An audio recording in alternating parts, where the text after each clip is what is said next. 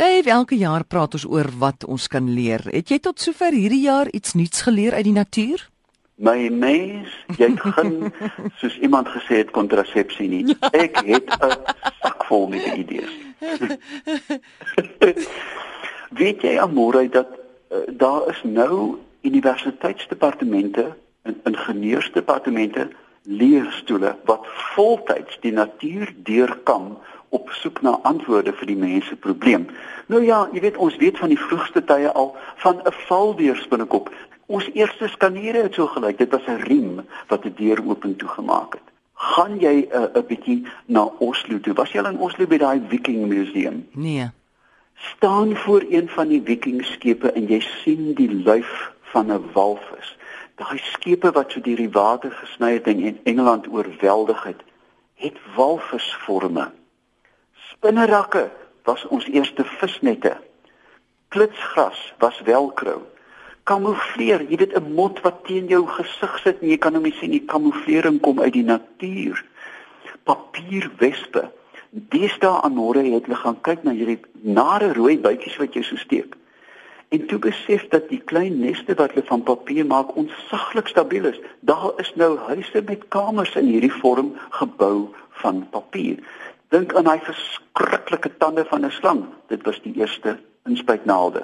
Maar kom ons kyk 'n bietjie na moderne voorbeelde. Ek dink 'n jare wat gelede het ek dit net genoem, maar ek wil dit weer noem. Die Shinkansen trein in in Japan, daai treine wat so vinnig vlieg. Die neus van die trein is direk gemodelleer op die bek van 'n verswanger. Omdat hy die water skoon breek, breek hierdie trein se neus die lug net so skoon. Het jy altyd 'n haai vel, 'n haai se vel gevoel? Jy kan hom eenkant toe streel aan môre, maar as jy jou hand terug beweeg, is dit byna so sandpapier. Nou ja, my opdrag is gaan voel aan 'n haai. Um, maar in elk geval, snaaks genoeg dat as jy 'n haai van sy neus na sy stert vryf, gly jou hand glad, maar as jy dit terugbeweeg, is dit so sandpapier.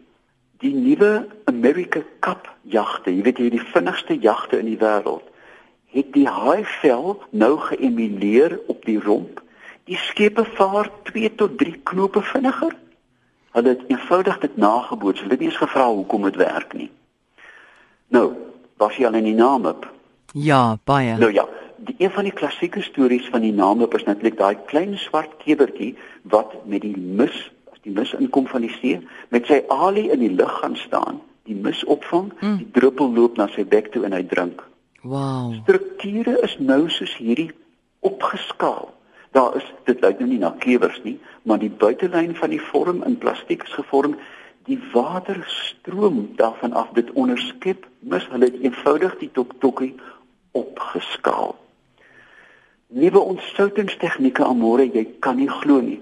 Peter Angre van uh, Noorwe het 'n jaar of 10 gelede die membrane ontdek wat water deur selwande laat.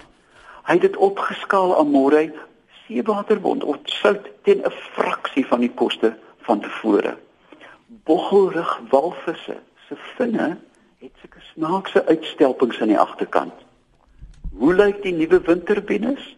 Soos boggelrug walvis vinne. Hulle weet nie hoekom dit werk nie, maar hulle gee 20% meer krag aan môre. Ja. Ek kan nie glo nie.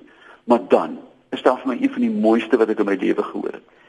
Ek het nooit geweet dat voëls spinnerakke vermy omdat die voëls in die ultraviolet spektrum, met ander woorde, hulle sien in die korter golflengte van die spektrum. 'n Spinnerak gloei vir hom.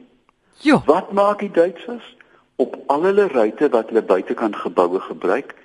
Ets hulle in die ultraviolet wat ons nie kan sien nie. Mm. 'n Spinnerak en nooit weer aan môre vlieg 'n voël in 'n ruit vas nie.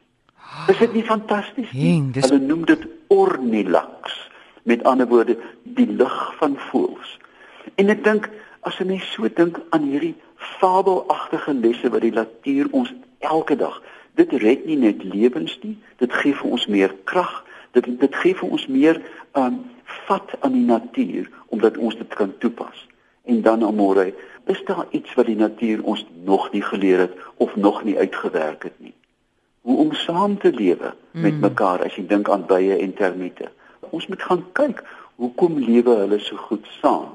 Hoekom werk 'n voël se vlerk so goed en dit begin toepas in ons vliegtye? Elke objek in die natuur amore het vasgevang in sy hart 'n pragtige les vir die mens. Goeie punt daai. Dankie Dave. Dis Dave Peppler en jy kan hom kontak by oompie@iafrica.com.